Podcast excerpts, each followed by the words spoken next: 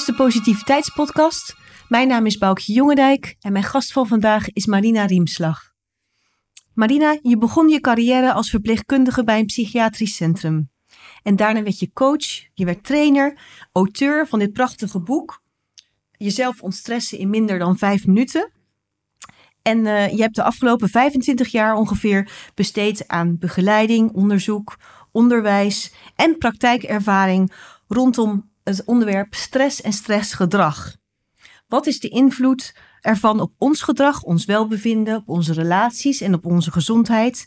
En vanuit je, al je opleidingen die je hebt gedaan en je eigen privépraktijk ontwikkelde je een prachtige methode, Live the Connection, waar we het later heel graag nog uh, uitgebreid over gaan hebben.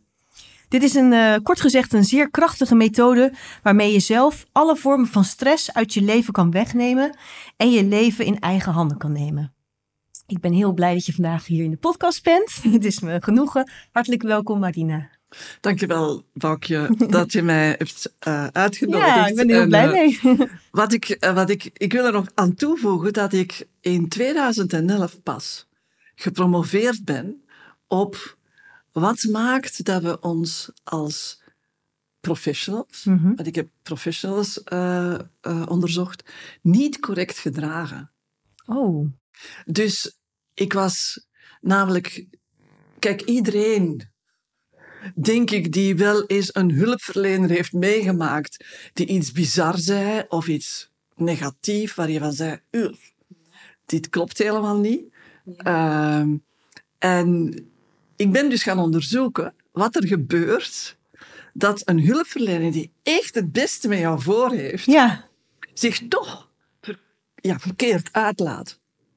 En dat is kwalitatief onderzoek, zowel in België als in Nederland. Ja. En uh, daaruit kwam, na heel veel coderen en, ja, ik ben heel benieuwd. Al, die, ja. al die dingen, kwam, ja, omdat we in stress zijn. Omdat we in stress zijn? Ja. Okay. Dus die hulpverlener, zodra die in stress gaat, dan gaat hij zijn vechtvluchtsysteem aan. En dan ziet hij de ander als een bedreiging.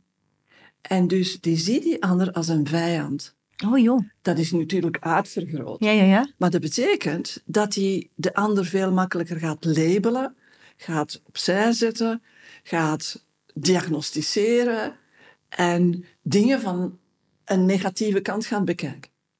En dat heeft natuurlijk behoorlijk wat effect op de hulpverleningsrelatie. Dat heeft heel veel effect. Ja, op de patiënt. Op, op de patiënt, op de cliënt. En dus, uh, ja, daar, uh, ja, ja. daar kwam ik op uit. Maar je raakt ook eigenlijk uit verbinding met die ander. Je raakt uit En dat is natuurlijk ook, jezelf, terwijl je, je eigenlijk, ja, terwijl je eigenlijk wil helpen. Ja. En dus, ja, op het eind van, van, mijn, van mijn promotieonderzoek, toen dacht ik, ja, ik kan daar eigenlijk niet meer naar buiten komen. Want hulpverleners die al zo erg hun best doen ja. en zo erg onder druk staan, ook nog eens zeggen dat het in hun eigen brein gebeurt, dat kan ik alleen maar doen als ik een oplossing heb. Dat wilde ik net gaan vragen. Ja. En dat was 2006, zeg je? 2011. Oh, 2011 was dat. Ja, ja. Dus toen ben je, ben je toen zelf heel hard naar die oplossing gaan zoeken? Ja. Ah. En ik heb uh, toen verschillende methoden gaan, ja, gaan leren, gaan, terwijl ik ervoor al een hele reeks hulpverlening achter de rug had. Um, omwille van, van mijn eigen problematiek, hè, want dat is de grote drive geweest. Hè.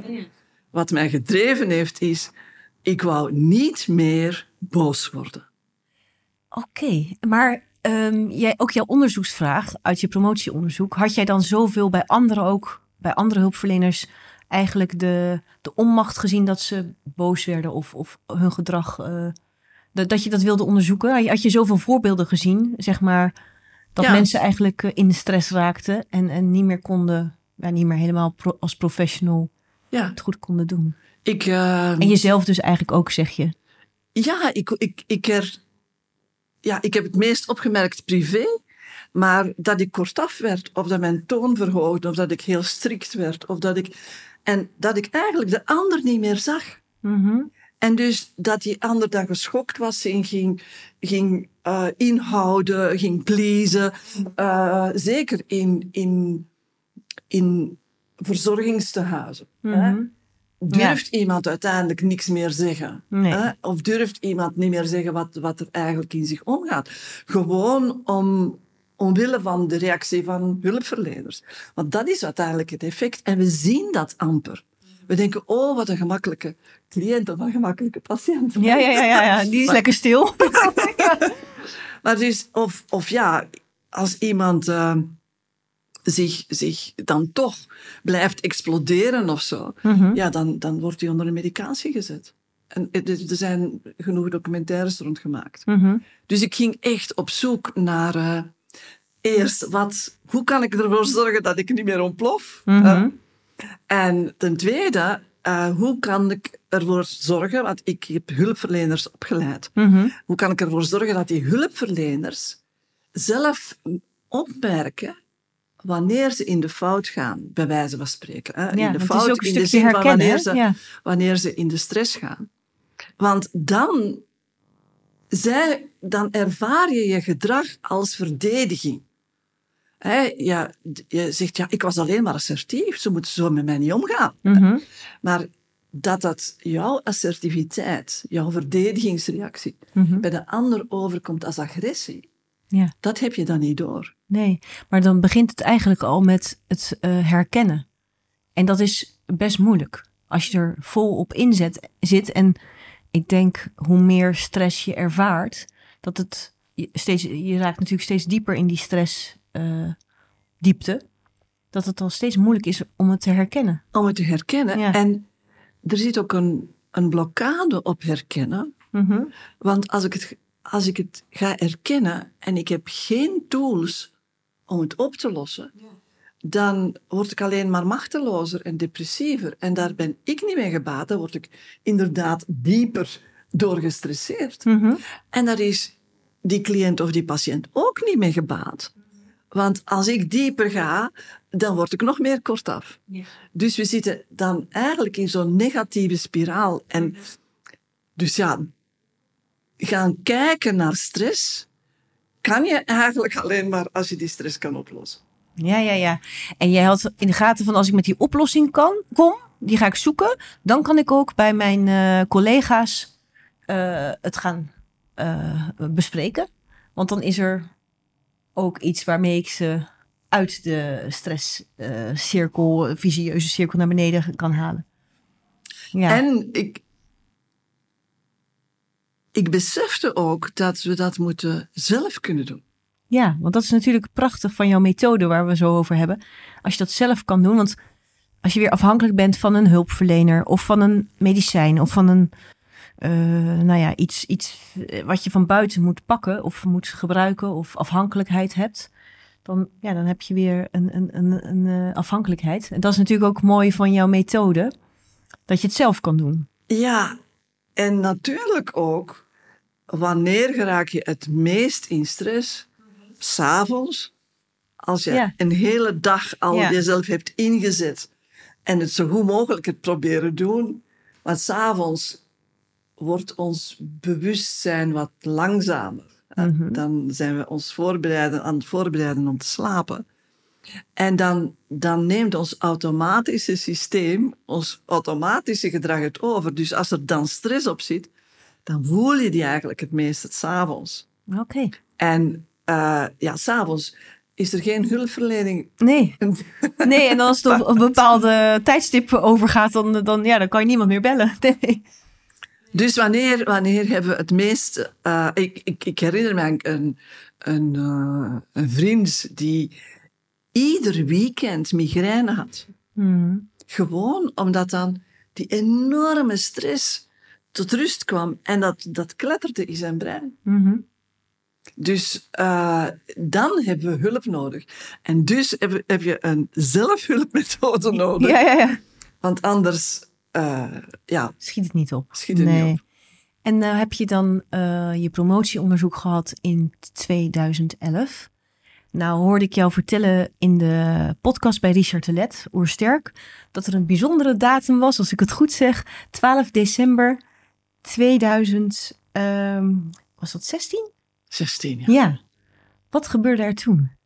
Wel, je kan je indenken ik denk dat ik vanaf mijn 25ste alles wat rond hulpverlening te vinden was, ben gaan uitproberen. Mhm. En dus ik heb heel veel dingen ervaren en ik ben een onderzoeker. Mhm. Dus ik ga ook uitblazen waarom iets werkt. Ja. En dan heb ik dat promotieonderzoek gedaan, gaan kijken van wat gebeurt er eigenlijk. Mhm. En dan heb ik eh, twee methoden me heel erg in verdiept. Ik ben ook internationaal heel actief geweest. Ehm, en dan voelde ik van, ineens vielen alle puzzelstukjes samen. Wat fijn. Alles wat ik zelf ervaren had, alles wat ik onderzocht had, alles wat ik ondertussen geleerd had van hoe we dingen kunnen oplossen. Dus die hele dingen vielen samen. En ja, dan werd eigenlijk Liefde Connection geboren. Ja. En toen ben je het, wat heb je toen gedaan? Ben je het heel snel gaan opschrijven of wat? Wel, ik, eh, het eerste dat ik gedaan heb is een website naam kopen. Wat goed. Je wist meteen de naam. Wel, ik ben begonnen met de naam The Love Method. Oh. Maar dat was een misser. Maar dacht je van eh, liefde is het antwoord op alles? Of, of waarom had je het de Als love? je in stress bent, kan je geen liefde geven en Klopt. kan je geen liefde ontvangen. Ontvangen. Dat is mooi, ja. Dus heb je eigenlijk, moet je ontstressen om liefde te laten stromen. Ja, ja. Maar, eh, dit was een misser. Nou ja, je kan ook aan andere dingen denken. Omdat, omdat daar zoveel andere dingen bij, bij te pas kwamen. Oké. En dus dan hebben we uiteindelijk gevonden van eh, live the connection. Dus leef de verbinding. De verbinding met jezelf. De verbinding tussen je lichaam en, en je brein. Ja, Eigenlijk die mhm. helemaal. Maar ook de, de verbinding met Met de anderen. anderen. Ja. Ja. Maar eerst, eh, je zegt ook eh, terecht, eerst de verbinding met jezelf, hè? Ja, Want anders gaat die verbinding met die ander ook niet goed. nee. Dus het eerste wat je ook in ieder eh eh, liefde connection proces, hè, Mhm. wat je dus leert, het eerste wat je doet is landen in jezelf. En je gaat dan eigenlijk naar een plaats in je lichaam. En die plaats die je aandacht geeft, Mhm. noemen we een plaats waar liefde is. Hè? Want Mhm. ja, aandacht is liefde. Ja. Ehm, tenzij dat het, dat het natuurlijk omgekeerd is en dat het vernederend is. Maar, dus een, en op het moment dat je met je aandacht in je lichaam gaat, en dat, is, dat weten we van eh, eind vorige eeuw, dan gaan alle lichaamssystemen zich terug naar de oorspronkelijke setting proberen te zetten. Dat is de reden waarom bij ademhalingstechnieken, yoga, wat dan ook, altijd eerst gezegd wordt, ga met je aandacht bij je adem. Als je bij je adem bent, ben je in je lichaam. En daar gaat het over dat eigenlijk je lichaam zich gaat resetten. Dus wat we doen is, we brengen liefde in ons lichaam en dan ga je eerst naar een plek in je lichaam waar je liefde ervaart. Maar dat is eigenlijk waar je aandacht naartoe gaat. En dat mag je zelf. Nou, dus iedere keer anders. Soms is dat mijn handen, soms is dat mijn voeten, soms is dat mijn buik. Als ik tandpijn heb, is dat met een tandpijn die ik voel. Ja? Want dan gaat al mijn aandacht Oh ja. Maar dus, ehm, ja, de eerste verbinding die je in het proces maakte, is de verbinding tussen de, de levensdynamiek eigenlijk, die, die voortdurend tussen ons en in ons actief is, en ons lichaam. Dus je gaat eigenlijk alleen maar die verbinding maken. En dan je naam zeggen, dat ben ik. En ik ben uniek. Ja, dat vond ik ook mooi. In jouw methode noem je je naam. Dus de naam is voor iedereen heel belangrijk. Ehm, dat vond ik eigenlijk wel mooi, want ik denk dat we daar niet zo vaak bij stilstaan. Het is heel gewoon dat je zegt, ik ben Hupplepupje, ik ben Boukje. Maar het- ja, het geeft dus ook een bepaald gevoel mee eigenlijk. En het, het zegt, het, het, het markeert jouw uniciteit. En als je kijkt naar, naar de, de dynamiek van leven, dan zie je dat daar twee belangrijke elementen in zijn. Enerzijds, ik ben uniek, ik ben mezelf. Mhm.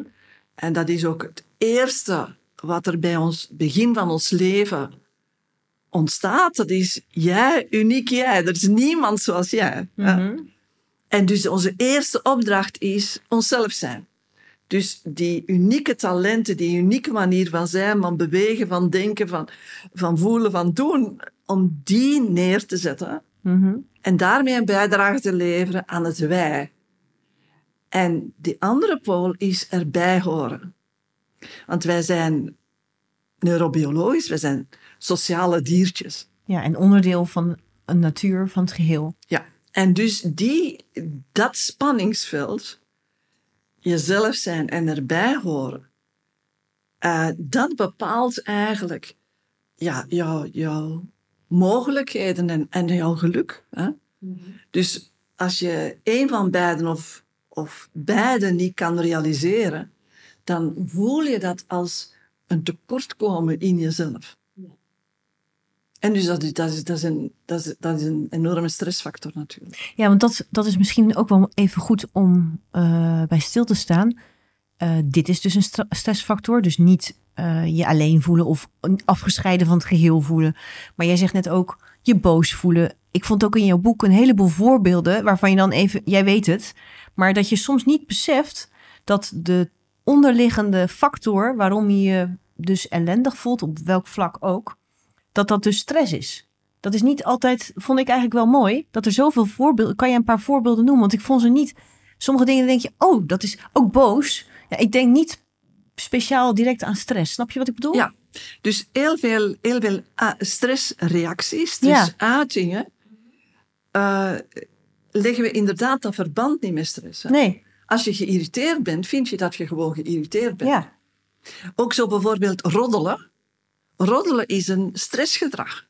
Ja, Dus, want je doet dit vanuit dat, dat, dat er ongenoegen in jou is en dat wil je uiten ten aanzien van iemand.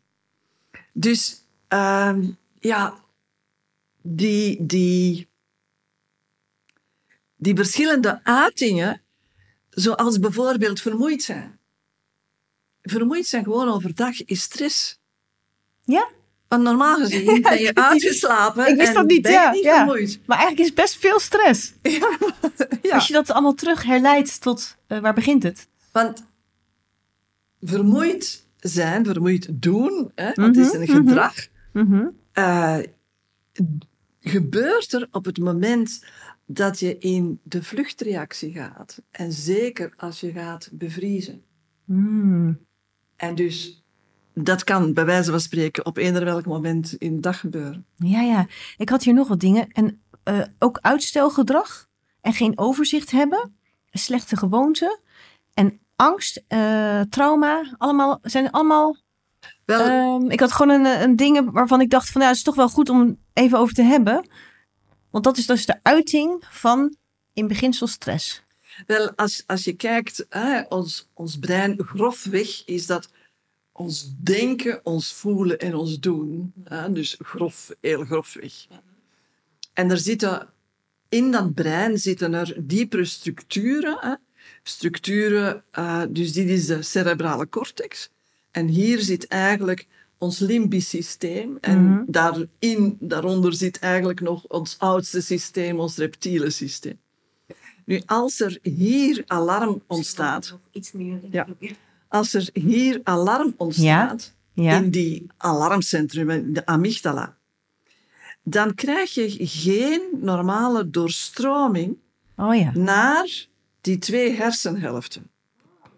Dus dan ga je ofwel alleen maar denken, Ja. en dan ga je dus niks meer voelen. En dan word je koud en afstandelijk. En zogezegd nuchter, maar dat is niet nuchter, dat is afgemeten. Ofwel word je heel emotioneel en dan ga je drama doen. En dus die, die, dat alarm in jouw brein, dat zorgt ervoor dat je niet al jouw normale verbindingen hebt en dus niet normaal kan tonen wat je allemaal kan en Ja, ja, ja. niet dus jouw vaardigheden kan, kan, kan gebruiken. En ja, uitstellen is het bij wijze van spreken vluchten in, uit het nu. Ik zal dat straks wel doen. Dus het is vluchten, eh, bevriezen of ehm, Vechten. vechten. Ja, En dus eh, uitstellen is, is vluchten. ja. Bevriezen. Bevriezen. Eh, er zijn heel wat bevriesreacties die wij voelen als lichamelijke pijn. Bijvoorbeeld rugpijn, hoofdpijn, keelpijn. Zijn emotioneel gestuurd. En de zwakke plekken die je eventueel lichamelijk hebt, die worden onder stress, krijgen die Als eerste. als eerste die pijnconnotatie. Mhm. En op het moment dat je dus die mentaal-emotionele stress eraf haalt, dan gaat het lichaam zichzelf terug herstellen. En dus in die zin is het herstel wordt, in ehm, wordt geblokkeerd door stress. Ja, ja, ja. En eigenlijk, eh, je vertelt ook over een verbonden brein. En dat is dan eigenlijk de goede situatie waarin je zegt, dan ben je in je optimale potentieel. Dat de linker en de her- rechter hersenhelft met elkaar verbonden zijn. En je dus niet van die extreme links of rechts hebt van emoties of helemaal niks meer. En als je dat natuurlijk, als je dat neurobiologisch gaat bekijken, dan zit je wat ze noemen in de ventrale vagus. Eh, Dus dat betekent dat jouw rust- en verteersysteem, rest- en digestsysteem aan is. En dan kan je alles rustig doen. Dus dan, dan, dan handel je vanuit innerlijke rust. Dus je hebt er groot belang bij om in die rust te zitten en vanuit die rust actief te werken. Of te spelen of te sporten. Mhm. Want op het moment dat je in die vecht-vluchtreactie komt en dan nog erger in die bevriesreactie, dan, eh, dan gebeurt er heel veel in jouw waarneming. Dus het eerste wat gebeurt als je in jouw automatische systeem in die vecht-vlucht komt, is dat je dus de situatie als bedreigend ervaart, Mhm. waar jij dan het gevoel hebt van ik moet mij verdedigen. Ja, ja, ja. En dan komen al die verdedigingsreacties. En vluchten, vluchten kan bijvoorbeeld eten zijn. Hè? We nemen nog één. ja, nee. Het kan van alles zijn. Maar je zegt eigenlijk ook, eh, niet, niet alles functioneert dan goed. Dus bijvoorbeeld ook problemen in je, in je spijsvertering. Kan dus ook een... eh, dus eigenlijk best wel veel dingen Ja, zijn zo- een uitvloeisel van eh, stress. Zodra jouw lichaam uit de rust- en verteermodus gaat en in die vechtvlucht gaat, krijgen, worden heel wat functies veranderd. Dus het normale oogvocht, dat wordt de droge ogen. Jouw normale vochtige mond, dat wordt een droge mond. Mhm, Je rustige hartslag wordt een hoge hartslag. mhm. Jouw bloed, dat overal lekker warm in jouw lijf zit, dat gaat zich helemaal terugtrekken en alleen maar toespitsen op de spieren van jouw armen en jouw benen om effectief Te kunnen te vechten. kunnen vechten Ja, ja. of weg te lopen. Ja, ja, ja, ja. En dus dit, het normale herstelsysteem, dus cellen die, die oud of, of beschadigd zijn, die ga je, als je in die rust, eh rest digest zit, ga je die herstellen. Maar op het moment dat je vechtvlucht aangaat, dan heeft jouw lichaam geen mogelijkheid om te herstellen. Dus dat betekent dat nadien veel meer herstelwerkzaamheden nodig zijn. Dus als je gezond wil blijven, dan moet je zoveel mogelijk in die verbonden brein, in die rest digest zijn. En ehm, nog beter, je moet zo weinig mogelijk in die vechtvlucht terechtkomen. En ik denk, hier zitten we aan de oorzaak van stress. Want de oorzaak van stress, die ligt achter ons. Ja. Dus stress is een reactie op de triggers Van het verleden. van het verleden. Mhm. En die triggers, die... Ja, ik moet, moet eigenlijk beginnen bij het begin. Hè? Kijk, wij zitten hier rustig te praten. Dus morgen kan jij gewoon hier aan terugdenken en dan hoor je mijn stem en dan zie je mijn bewegingen en dan... denk je, ah ja, zo was dat. Hè? Dus als jij in die rest digest bent, ook zelfs als je in stress bent op zich, dan maak je herinneringen aan. Dus dat betekent dat jouw opmerking, jouw aandacht, dat is jouw bewustzijn, perfect samenwerkt met jouw automatische systeem dat ondertussen al die zintuigelijke signalen opslaat. Dus je ziet de kleur, de geluid, je hoort de toon, de bewegingen. Dus normaal als wij in controle zijn, dan, worden, dan werkt ons bewustzijn en ons onderbewuste perfect samen. En waar je op focust, daar krijg je de signalen van. Maar op het moment dat er iets gevaarlijk gebeurt, stel dat hier ineens iemand binnenkomt, dan, en uh, ons bedreigt, dan slaat alles aan en dan heb je een klein moment van controleverlies. Ja. Waarin je zo rap mogelijk probeert te herpakken. Ja. Maar je gaat eerst dat hele beveiligingssysteem aanzetten. Dus als jouw beveiligingssysteem aangaat en jij hebt geen controle op dat moment, Mhm. dan moet jouw beveiligingssysteem het echt overnemen. Want denken hoe je zou moeten handelen en wat de beste oplossing zou zijn, dat gaat te Te traag. laat, ja. Dus je gaat die, jouw automatische beveiligingssysteem neemt over.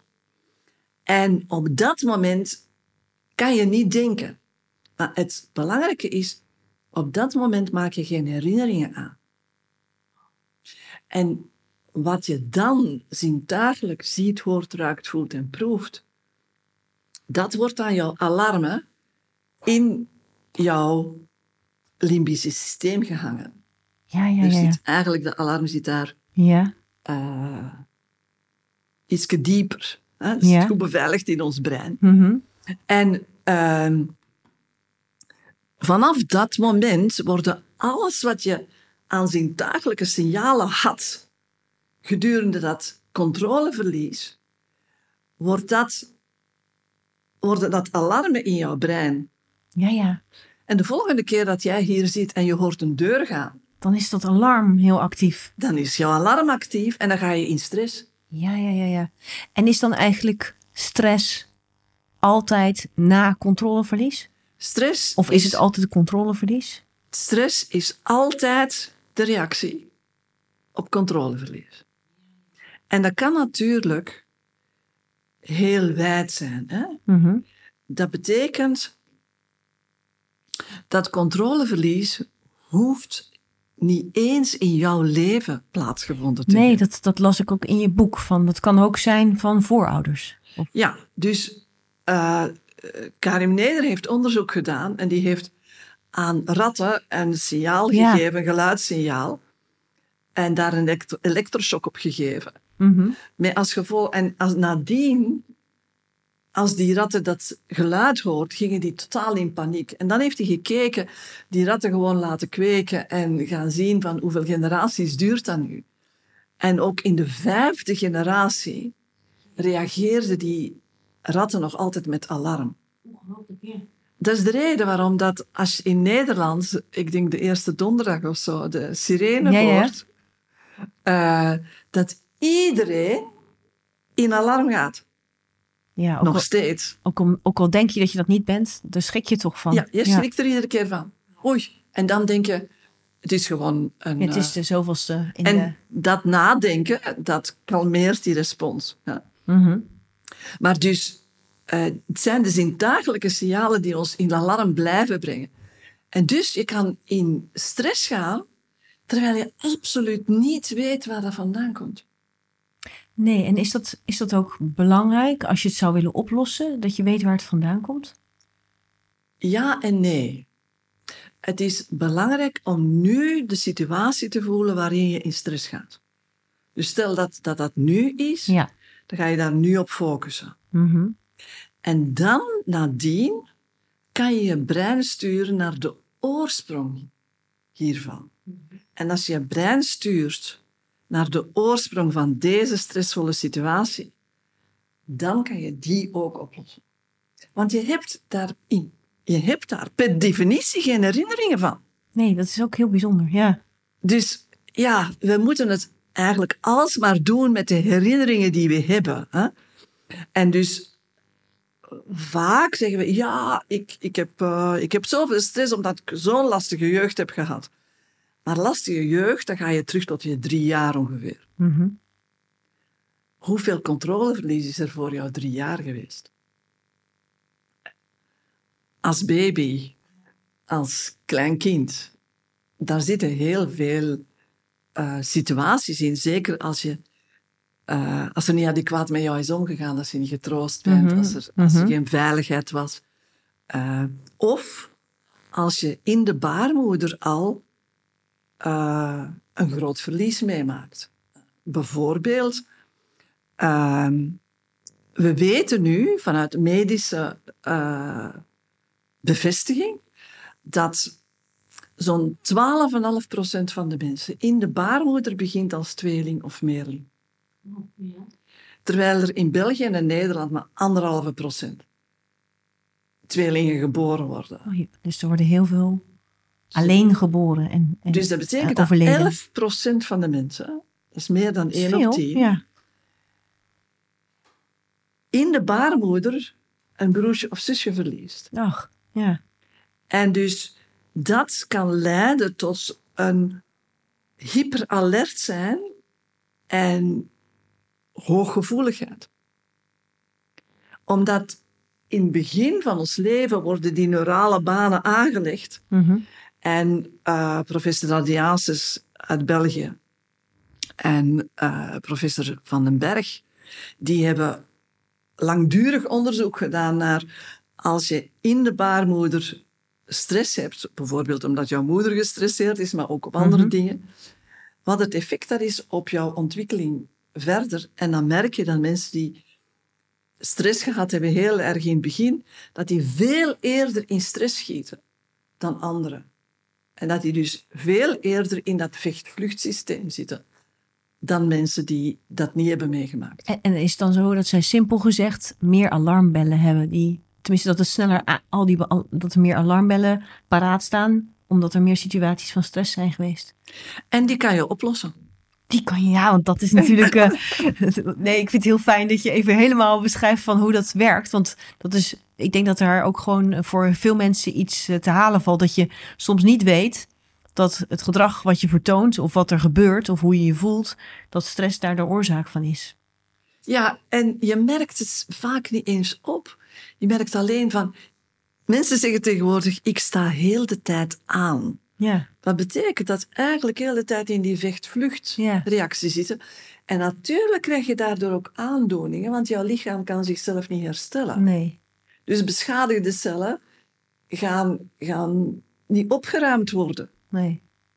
Wat, wat spijtig is, want jouw lichaam doet echt alles om jou in Ja. goede conditie te houden. Ja, en misschien is het ook nog wel leuk om even te kijken van, eh, want nu hebben we het er vooral over van wanneer je in stress bent, maar als je dan niet in stress bent, ehm, dat is ook belangrijk om dat te herkennen, want dat is ook de situatie waar je natuurlijk iedereen naartoe wil brengen en waar je zelf ook in wil zijn. Is dat dan als je eh, in de flow bent of gelukkig of ja, Ja, hoe- flow is dus verbonden brein. ja, eigenlijk is het zo- het tussen, ja. tussen jouw Want dat is eigenlijk de achterliggende, hè? Als, als links en rechts, eh, dat je gewoon eh, relaxed op dingen reageert. Dat je het overzicht hebt. Dat je, ja, erbij kan blijven. dat je goed, niet goed in je relaties kan omgaan. eh, ook als er eh, van de andere kant eh, wat, wat tegengesputter komt. bent. Ja, en dat je ook nee kan zeggen. Ja, Op grenzen. een, op een ook een rustige manier. ja. Hè? Dat je zegt, ja, dat, dat lukt mij niet, spijtig. Ik begrijp dat je dat graag hebt, maar ik kan het jou niet geven. Dus dat, dat het allemaal rustig is of, of dat, dat je dingen kan aankaarten als, als, als dat nodig is. Ja, maar je zei ook nog heel mooi ergens ehm, van dat je dan ook keuzes in vrijheid maakt. Ja, typisch, typisch aan stressgedrag is dat je moet. Ja, Ik moet nu eten. ja, Ik moet nu iets drinken. Ik moet nu naar buiten. ja. dus dat je geen keuze hebt. En typisch aan, aan in de flow zijn en verbonden brein hebben is dat jij kan kiezen om het te doen en kan kiezen om het te laten. En kan je dan ook kiezen om eh, de stress buiten, je, buiten jezelf te houden? Ja, hoe zeg je dat? Van, want er zijn natuurlijk altijd, kijk wat er nu ook bijvoorbeeld in het verkeer of zo. eh, iemand trapt keihard op zijn rem. Daar kan je heel erg van schrikken. Maar kan je dan ook, ja, dan kan je helemaal. Maar kan je, is, het dan, is het dan ook op dat moment gewoon aan jou de keuze om eh, die, met die stress goed om te gaan? Of, of is Op dat, dat ja, moment moet is je dat- ontstressen. ontstressen? Want dat betekent dat schrikken Ja, is een fractie van controleverlies. ja. Dus dan is het eigenlijk al gebeurd. Dan is het gebeurd. Ja. En dan, op dat moment, moet je direct zorgen dat die alarmen van jouw brein gaan. Ja, En dus op dat moment, en dat, dat is iets wat we, wat, wat we leren in, in de eerste vier dagen, waarin je leert de basisprincipes van je brein te herprogrammeren, Mhm. krijg je ook een shortcut. En die kan je natuurlijk in je wagen doen. oké. Die ga je eigenlijk op een heel snelle manier, op minder dan een minuut, ben je terug jezelf. Ja, ja, ja. En dan is het over. En dan, dan, dan wordt het ook niet als alarmen bewaard. Ik ben, eh, want nu is het natuurlijk wel heel eh, spannend om over de oplossing te gaan hebben. Eh, jij zei net in het begin helemaal van, eh, ik heb het ook eh, ben gaan zoeken. Ook eh, nou ja, voor mijn collega's, maar ook voor mezelf. Hè? Mhm. Ehm, toen heb jij op die bewuste eh, mooie datum in 2016, heb jij, kwam alles bij elkaar. Eh, wat heeft het je toen zelf gebracht? Want ben je toen eerst bij jezelf gaan kijken van hoe... eh, Ik heb eh, alle processen en alle, alles gedaan natuurlijk. Ja. Ja, walk your talk. hè. Yes. Dus ik, als, ik, als ik nu kijk, eh, ik, ik ben zo goed als nooit meer boos. Mhm. En ben ik dat, dan kan ik daar de volle verantwoordelijkheid voor nemen. Ik kan dat direct naar de aanleiding gaan, dat direct oplossen, ontstressen, eh, alarmen wegnemen. En, eh, en dat is natuurlijk, en rechtzetten op een gemakkelijke manier. Wauw. En je zegt, eh, dat is misschien ook nog even goed om dat onderscheid te maken. Je zegt ontstressen. Dus ik vertaal dat als, eh, of ik zeg het anders als stress wegnemen. Het is niet zoals een hoop methodes omgaan met stress. Wel, het is echt het, het weghalen. het grote verschil is, als je omgaat met stress, dan blijven die alarmen in jouw brein zitten. Ja, ja. Als je die alarmen weghaalt, Mhm, dan zijn ze er niet meer. En dan sla je niet meer Mhm. aan. mhm. En ja, dat is een immens verschil. Het is een immens verschil voor jouw lichaam. Want dat betekent dat dat niet in die alarm-vecht-vlucht-situatie gaat iedere keer. Ja, dus ook voor je gezondheid en alles. Ja. aandoeningen creëert. ja. En dit zorgt ervoor dat je eh, niet gaat vechten. En dus al die eh, ja. andere dingen gaat doen. Ook niet gaat vluchten. Niet gaat... Dus dat, dan betekent dat dat er rust in je systeem blijft. En als je rustig bent, dan kan je het meeste eh, verzetten aan werk. Dus als ik kijk wat ik nu aan werk doe. Ja, dat is... Had je het maar eerder geweten. Ja, het, het is zoveel efficiënter. Ja. Zou je En ik- iets willen vertellen erover? Van heb- eh, hoe het, ja, hoe, hoe, kijk, hoe, kijk, mensen kunnen je boek lezen, er staat het helemaal in. Mensen kunnen je, je, je cursussen volgen, hè, want je hebt workshops en je hebt ook die, die vierdaagse, dat is eh, eh, traject doorbreken. Je hebt, we hebben de workshops, wat er, wat er uiteindelijk acht geworden zijn op dit moment, Mhm. eh, hebben we opgedeeld in twee jaartrajecten. Dus een jaartraject waarin dat je elf workshopdagen hebt. Dat is best te behappen. Hè? En je krijgt iedere week begeleiding om die processen toe te passen in je eigen Ja, te leven. oefenen, echt. Ja. En dus eigenlijk ja, in praktijk te brengen, waardoor je gedurende de workshopdag ruim je heel veel op. Maar door het nadien te blijven gebruiken, Mhm. ruim je voortdurend op. En dan merk je zo na, na zo'n jaar van, oh, ik ben thuis in mezelf. ja, ja. Ik, eh, ik heb de vorige drie dagen bijvoorbeeld een workshop gegeven over grensoverschrijding. Mhm. En er waren mensen die zware eh, grensoverschrijdingen hebben meegemaakt. Eh, ik denk, allee, seksueel misbruik. eh, na die drie dagen gaan die ontspannen en die zeggen, het is uit mijn systeem. Ja, dat is wel heel bijzonder. Iemand zei van, tot nog toe heb ik de indruk gehad alsof het op mijn voorhoofd te lezen stond van, doe daar maar, eh, Mhm.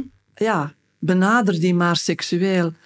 En eh, terwijl nu is het weg. Dus, en dat gaat over drie dagen. Mooi, ja. Als je weet hoe, hoeveel jaren je daaronder kan lijden. Ja, wat ik ook mooi vind is, ehm, in de methode ga je volgens mij niet heel erg terug naar alle... ehm, je gaat ook richting toekomst, hè? Dat is ook... Wel, kijk, als jij bijvoorbeeld, als, een, als je een lekkende kraan hebt Mhm. en je vraagt een loodgieter, Ja, dan komt, die, dan komt die loodgieter en die stelt vast wat er beschadigd is. Ja? ja. Die vraagt jou niet, wat heb je gedaan en wanneer heb je dat gedaan en hoe heb je dat en hoe komt het? En Gelukkig eens- denk je dan, ja. Want anders zou die veel meer aanrekenen. Ja, ja. ja, was veel duurder. Het enige waar dat hij op uit is, is om de beschadiging te Ja. herstellen. ja, mooi. En dat doe je eigenlijk met Dat is een Liefde mooie Connection. vergelijking, ja. Je gaat dus niet eindeloos... Je moet wel weten wat beschadigd is. Mhm. En in geval van grensoverschrijding is jouw innerlijke ruimte dichtgeklapt. En dus gaan we die terug openmaken. Waardoor dat jij terug leeft in je eigen ruimte en dat dat niemand anders is. En ga je die ook jouw grenzen terug herstellen. En ga je terug je lichaam in bezit nemen. Mooi, ja. En dus daardoor, je ruimt dus, je gaat de beschadigingen herstellen. En dat is iets totaal anders. Natuurlijk moet je weten, je onderbewuste, je automatisch systeem heeft een focus nodig. Mhm. Dus je moet, je, je gaat eerst kijken van, tja, wat is er in mijn leven gebeurd? Maar je doet dat als een oplijsten. Ja, eigenlijk simpel. Ja, Eenvoudig, ja. En, ja, en dan kijken we samen naar de schade die dat heeft opgeroken, de impulsen die dat geeft. Hè. Bijvoorbeeld, heel wat mensen hebben de indruk, als iemand iets, mensen waar een grensoverschrijding geweest is, en dat kan mentaal-emotionele grensoverschrijding zijn, evengoed, dat als iemand iets wil, dat ze dat moeten geven. Mhm. Of als iemand iets verwacht, dat ze dat moeten geven. Ook als zij vinden van, dat kan niet voor mij. Of ik wil dat niet, of ik heb daar geen zin in. Dus eigenlijk is, want dat, dat zijn dingen die je bepaalt vanuit je innerlijke ruimte. Wat wil ik en wat wil jij? En dat wordt eigenlijk met elkaar. Het is eigenlijk weer die vrijheid van keuze. Ja, Ja. en dat wordt eigenlijk afgewogen. En dat, is, dat, dat afwegen is eigenlijk beschadigd als jouw innerlijke ruimte is dichtgeklapt. Als je bij wijze van spreken in een, in een holletje gekropen bent Ja. om jezelf te beschermen. Je lichaam is er dan nog wel, maar jij zit daar niet meer in. En heel veel mensen hebben het gevoel van, ik, ik zit niet echt in mijn lichaam. Ik ben er wel en ik doe wel, maar ja, dat stroomt niet echt. En dus grensoverschrijding, daar hebben we drie dagen rond. We hebben eh, ook rond, rond familie. Dat is heel veel dat doorgegeven wordt eh, door onze familie. En ook patronen die wij doen, eh, die we eigenlijk niet willen doen. Ja, zoals eh, gierig zijn of, of beknibbelen op dingen of jezelf voortdurend zeggen van ja, maar dat mag niet of beginnen straffen. Dat zijn zo patronen die in, in, in families kunnen leven van of we doen alsof, hè, we doen alsof voor de buren. maar dat zijn patronen die jou behoorlijk kunnen, kunnen in stress breng- brengen dagelijks. En dus alles rond familie, eh, dat- daar, daar ruimen we op in, ai, leren we ook opruimen in twee dagen. Dus eigenlijk zie je ook van, je gaat naar de schade, die schade die ga je herstellen. Mhm. En dan creëren, creëren, creëren. Want dat is natuurlijk waar het over gaat. Ja, want je zegt eigenlijk, we gaan eerst opruimen en we gaan daarna, ga je weer volle Zo- kracht vooruit. Ja. Zodra het opgeruimd is, gaat jouw systeem vanzelf creëren. Mhm. Ik herinner mij iemand die, eh, die haar man was vijf jaar overleden. En die, eh, die kon nog altijd niet alleen thuis zijn. Dus die zat bij vriendinnen, die zat overal. En dus die leert in die eerste vier dagen om haar impulsen te veranderen. En de impuls die zij wil veranderen is: ik ben graag op mijn gemak thuis. En dus, oké, we installeren, we programmeren die impuls. En uh, direct, want ah ja, ze ging dan ook drinken als ze thuis was. Mhm. Om niet te voelen. Mhm. Hè, dat is, ofwel gaan vluchten bij vriendinnen gaan zitten, ofwel Ja, gaan vluchten, vluchten, ja. eh, op een andere manier. En dus eh, gedurende de workshop al merkte ze van, hé, ik ben vanavond thuis gebleven en ik, eh, ik heb het fijn gehad met mezelf. Mooi. En er kwam terug openheid. En drie maanden later eh, had ze een andere partner. Omdat er ruimte was in haar hart. Er was ruimte gekomen. Dus dit, ja, is zo, zo. Dus ons, ons, ons systeem gaat vanzelf toekomst creëren als de blokkades weg zijn. En dus je leert ook die impulsen creëren om, om die to- toekomst neer te zetten. Mooi, ja, want je zegt ook eh, als ondertitel Stop Stress, Create Your Life. Want dat eerste stop en dan gaat eigenlijk dat Create Your Life gaat vanzelf. Ja. Dat ben je eigenlijk niet meer heel erg actief dan eh, vanzelf aan het doen. Ik ben heel benieuwd, Marina, van jouw boek is eh, Jezelf ontstressen in minder dan vijf minuten. Leer het ABC van ontstressen. Zou jij iets willen vertellen over... eh, je hebt er al net al iets aangegeven dat je eerst bij jezelf begint. Maar kan je iets vertellen over hoe de methode werkt? Dus wat ik mooi vond, is dat je ook de verbinding legt eh, tussen die beide hersenhelften door de, hoe noem je dat? Ehm, even kijken, de DNA-streng.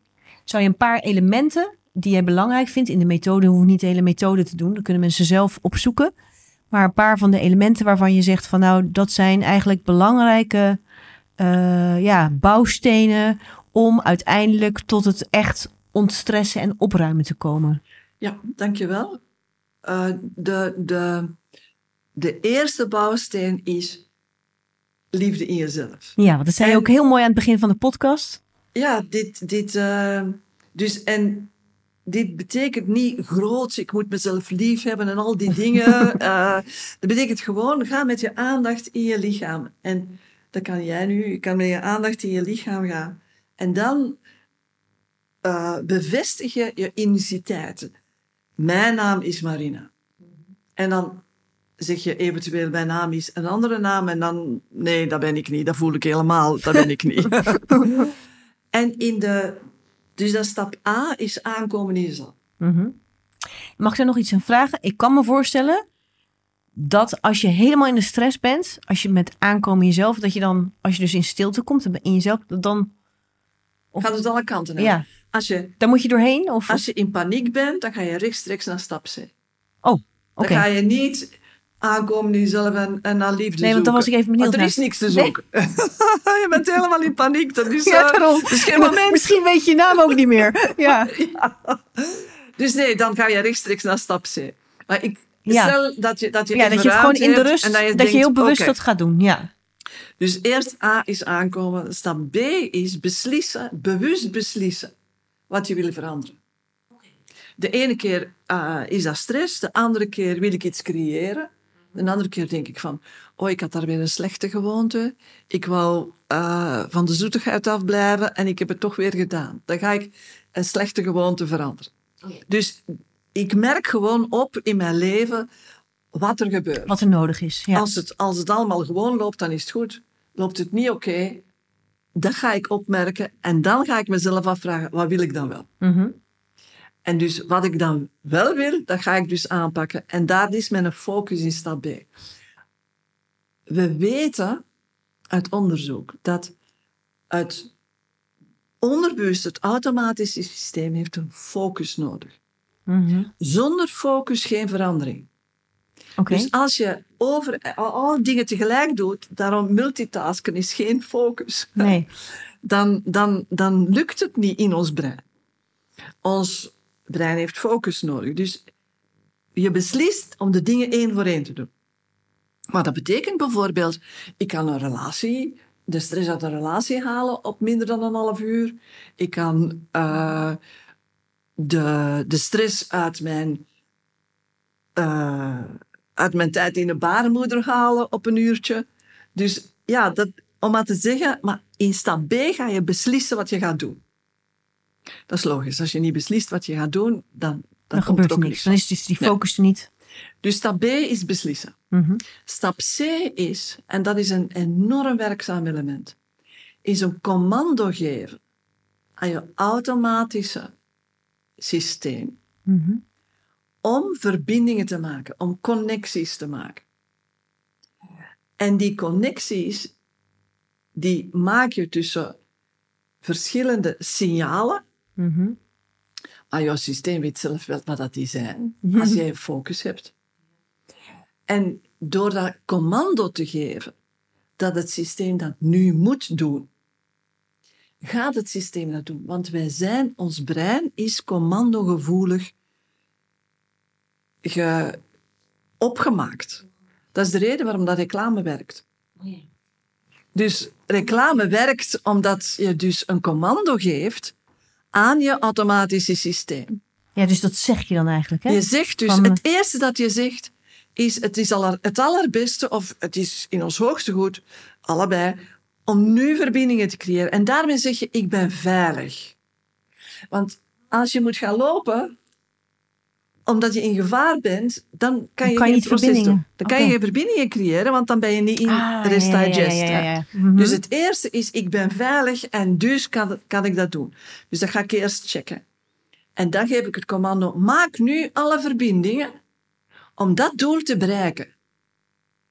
En als je dus een commando geeft dat sluitend is aan dat automatische systeem, gaat dat dat automatisch uitvoeren. En dan is dat, dus C is commanderen, Ja, om connecties te maken. ja, ja. En dan in stap D ga je dat doen. En hoe ga je dat doen? Je gaat dat bijna altijd doen door een eenvoudige kruiselingse beweging. Dus om in DNA-streng te zitten. Ja, dat is ook grappig. Oeh, in de, yoga, die in ja, in de doen ze dit. Oh, bij de yoga Ook vaak. gedaan. Ja, Ja, van, oh ja, je doet hem gewoon zo. gewoon zo. En dan En ook, ook, je mijn benen. voet, ook mijn voeten over elkaar. En omdat je dat lichamelijk dus doet. Omdat je dat lichamelijk doet, eigenlijk dwing je je brein Mhm. om van links naar rechts te gaan. Dus als ik links op mijn linkerbeen tik, dan activeer ik mijn rechter hersenen. Oh, Als ik op mijn rechterbeen tik, activeer ik mijn linker hersenhelft. Dus als ik die ga wederzijds kruisen, dan, eh, dan, dan activeer ik beide hersenhelften. Terwijl ik mij concentreer op datgene wat moet veranderen. Hè, wat Mhm. ik dus voor gekozen heb. mhm. En een andere beweging is deze bijvoorbeeld. Die is Mhm. heel eenvoudig, maar wel met de duimen tegen elkaar.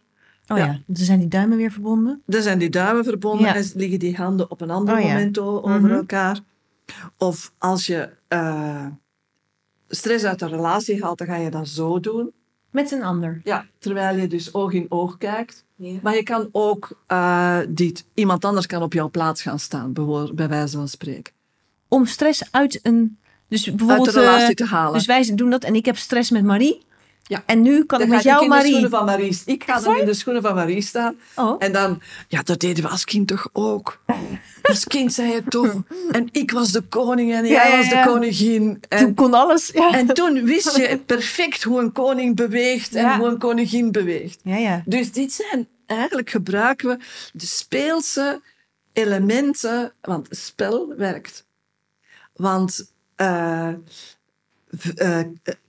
werkt, dat weten Ja. we ook van in EMDR wordt dat gebruikt. EMDR is een van de methoden die het meest gebruikt wordt in Nederland Mhm. om, om eh, trauma te helen. Ja.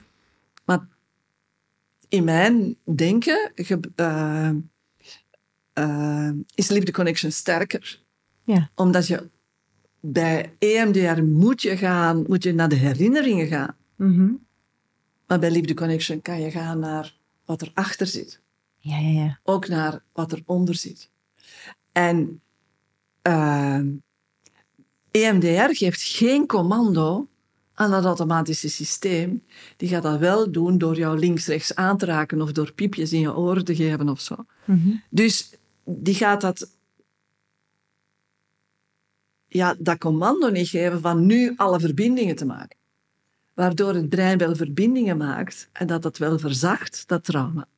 Maar voor heel wat mensen die verschillende trauma's meegemaakt hebben, dus op verschillende momenten in je leven geslagen zijn of, of uh, mishandeld zijn, werkt EMDR te weinig. Omdat dat niet eenmalig is. EMDR is perfect voor een eenmalig trauma dat je weet wat er gebeurd is. Maar je kan het ook niet zelf doen.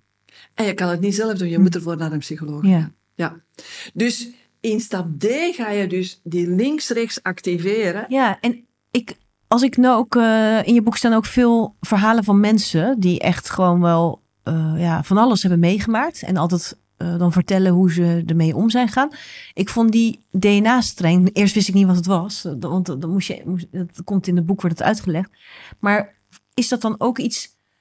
Ik had het idee dat als je dat doet, dat je ook gewoon in een acute stressreactie, dat je als je er gewoon zo gaat zitten, dat je, dat je ook rustiger wordt of zo. Ja, Want dat las ik ook wel er tussen Ja, de regels. Ik dus- weet niet of ik dat goed heb begrepen. dus eh, de DNA-streng is ontdekt door, eh, door Paul Dennison Mhm. en wordt ook toegepast in Brain Gym.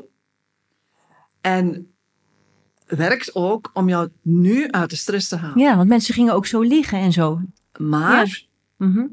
het, als je geen commando geeft om nu alle triggers weg te Ja. halen, dan krijg je morgen die triggers terug. En moet je morgen terug zo gaan liggen. En met Liefde Connection geef je dat commando, haal nu alle triggers weg. En dan pas. En dan ga je doen, en dan worden al die triggers inderdaad aan elkaar verbonden, en dan is het weg. Ja, wauw.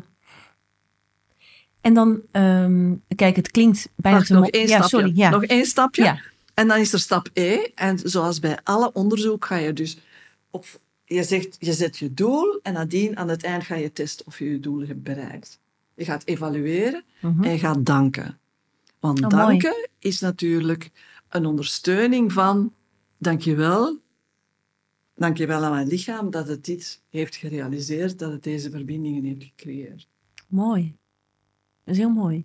En nou is het een echt eh, een hele snelle, krachtige tool. Eh, maar is het zo, net als bij sport, dat je moet onderhouden en trainen? Eh, want kijk, het klinkt bijna te mooi om waar te zijn. Hè? Ik bedoel, van, oh, ik doe dit. e- ik zeg nu even heel zwart-wit. Van, oh, dat doe ik even als ik ergens last van heb. Ik zeg maar wat. Maar is het niet zo, is het dan daarmee haal je dus dat stuk, die alarmbel haal je in feite weg. Alarmbel is weg. Of is, ja, hij kan natuurlijk nog terugkomen. Of moet je dit gewoon ook oefenen om, eh, het ster ja, om die verbindingen sterker te maken? Of, Ik vergelijk Liefde Connection doen wel eens met het eten van julienne soep. Je kent zo van die soep ja, met die fijne kleine groentjes. Hè? Ja, ja. Dus wat je doet is, je, je neemt de, de groentjes eruit die al niet meer te heet zijn. Ja, ja. Hè? En dan komen er andere bovendrijven. En dus alles wat je weggenomen hebt, is weg. Opgegeten.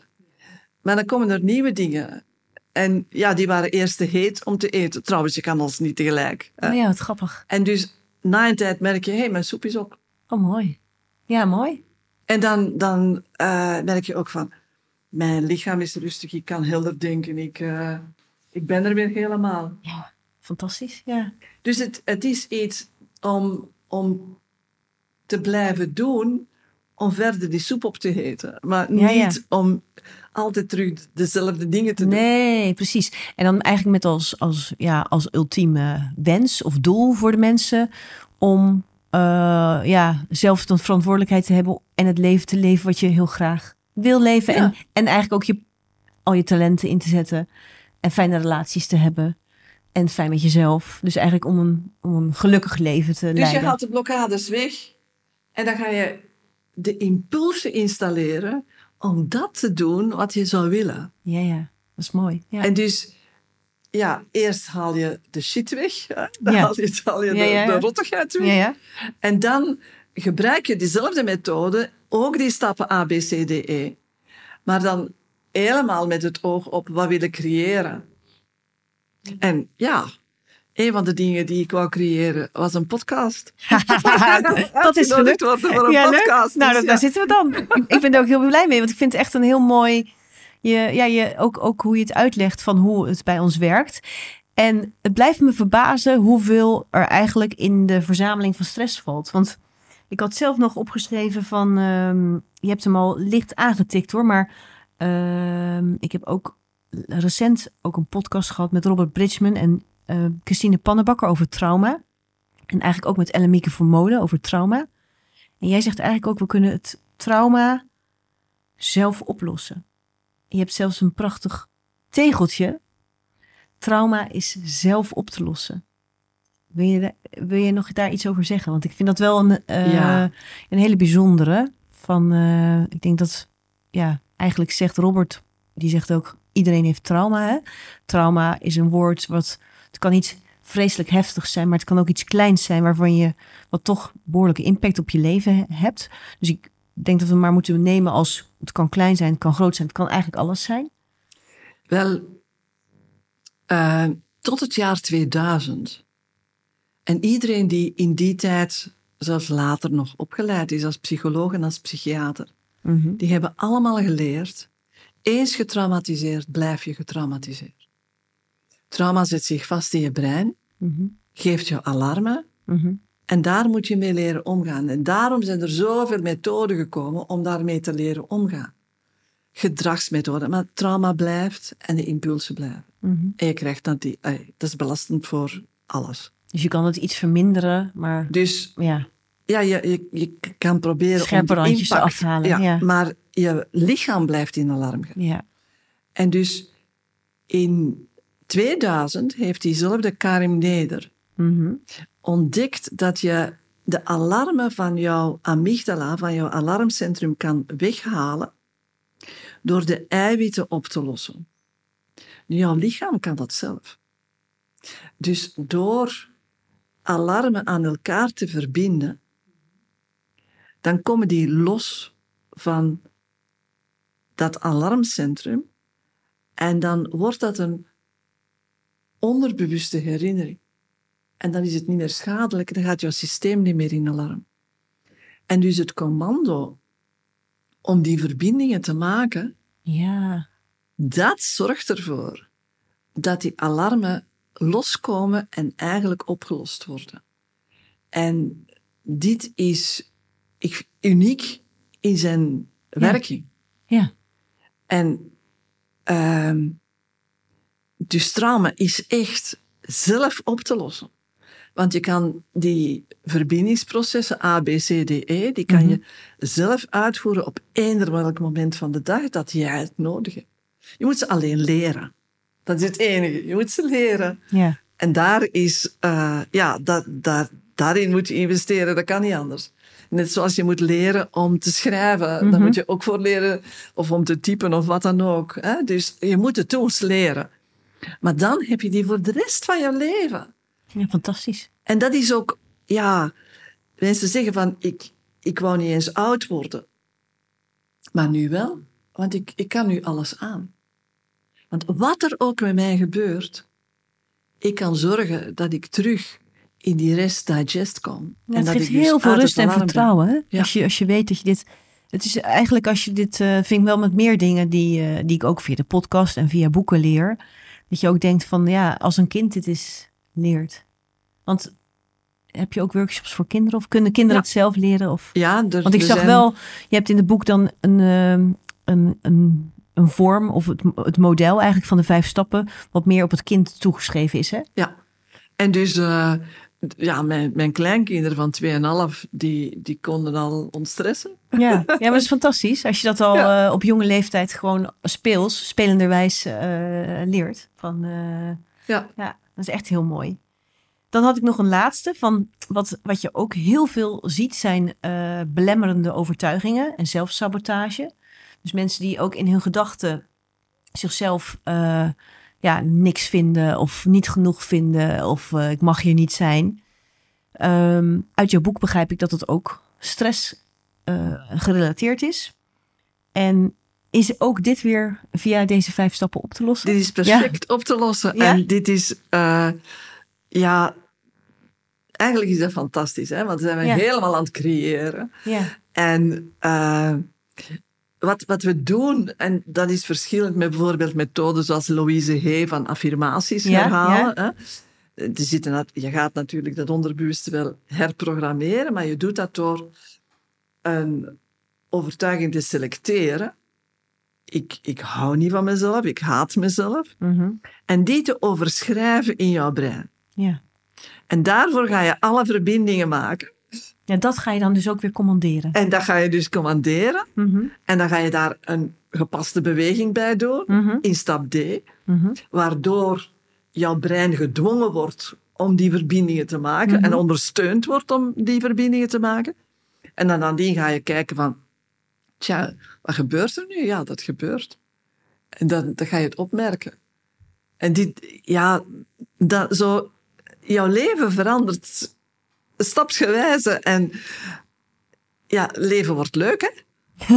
en dat kan je je niet indenken. Je kan het je niet indenken als je in de rotzooi zit. Nee, dat, dat, er zijn heel veel mensen. Dat, dat, dat heb jij natuurlijk in je werk ook. eh, je hebt natuurlijk ook heel veel mensen aan de randje van de samenleving gezien. En nog steeds. Mhm. Dat het uitzichtloos lijkt. En eh, dat je ook, als je misschien met je verhaal komt, dat mensen je misschien ook in eerste instantie niet geloven, omdat het best simpel. Ja, niet, niet oneerbiedig bedoeld, maar het is simpel. Ja. Dat mensen zeggen, ja, maar eh, ik zit zo in de ellende. Ik heb altijd een diepe intuïtie gehad van iets wat voor ons als mensheid nodig is, mhm. dat moet beschikbaar zijn en mogelijk zijn voor iedereen. En dat is dus waarom het zo simpel ja, is Ja. en zo simpel mag zijn. Want ik geloof niet dat wat ons goed doet alleen maar zou voorbehouden zijn voor de upper class. Nee. Ik, ik heb een heel sociaal eh, aanvoelen en een kind moet het kunnen. En ja, ook kinderen hebben eh, de workshops gevolgd vanaf een jaar of negen.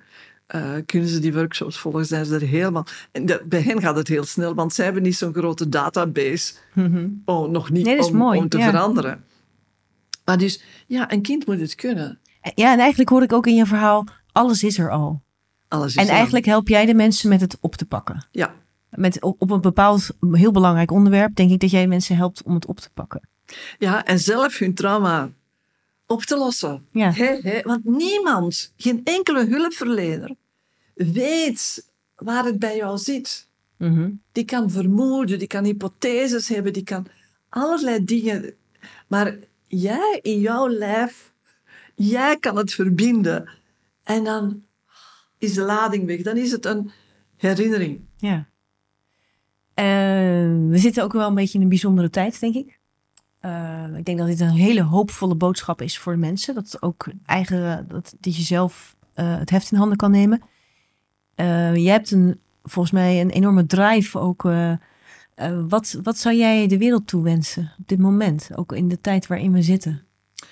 Ik zou de wereld toe, toewensen ehm, dat wij naast elkaar kunnen zitten, wetende dat we allebei slachtoffer zijn en allebei dader.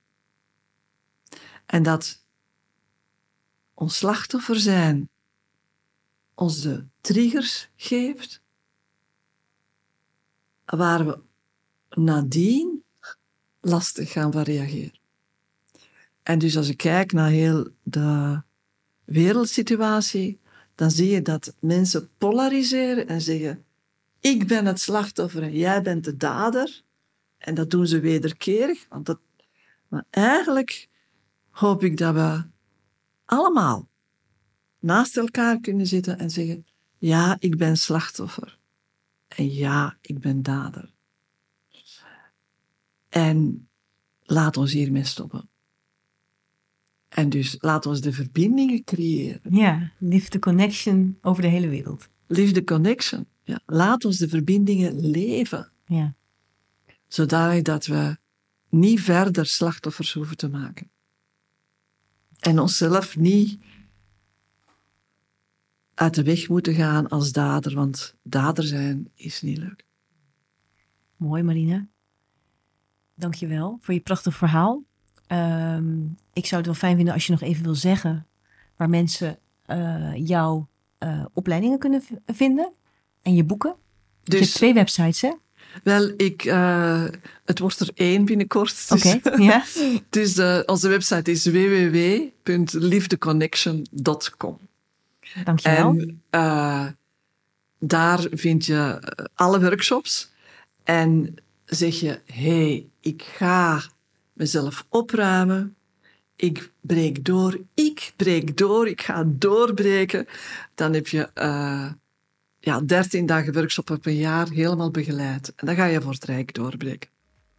Mooi, dankjewel. Hartelijk bedankt. Marina, bedankt voor je komst uit België. Heel fijn en uh, zeer fijn. Dankjewel. Dankjewel. Bedankt voor het luisteren. Wil je meer inspiratie en een vleugje positiviteit van de mooie gasten die ik interview? Abonneer je dan op het kanaal waar jij het liefste luistert op de Positiviteitspodcast. Ook op mijn website boukjejongerijk.nl kun je alle afleveringen terugvinden. Fijne dag en tot over twee weken.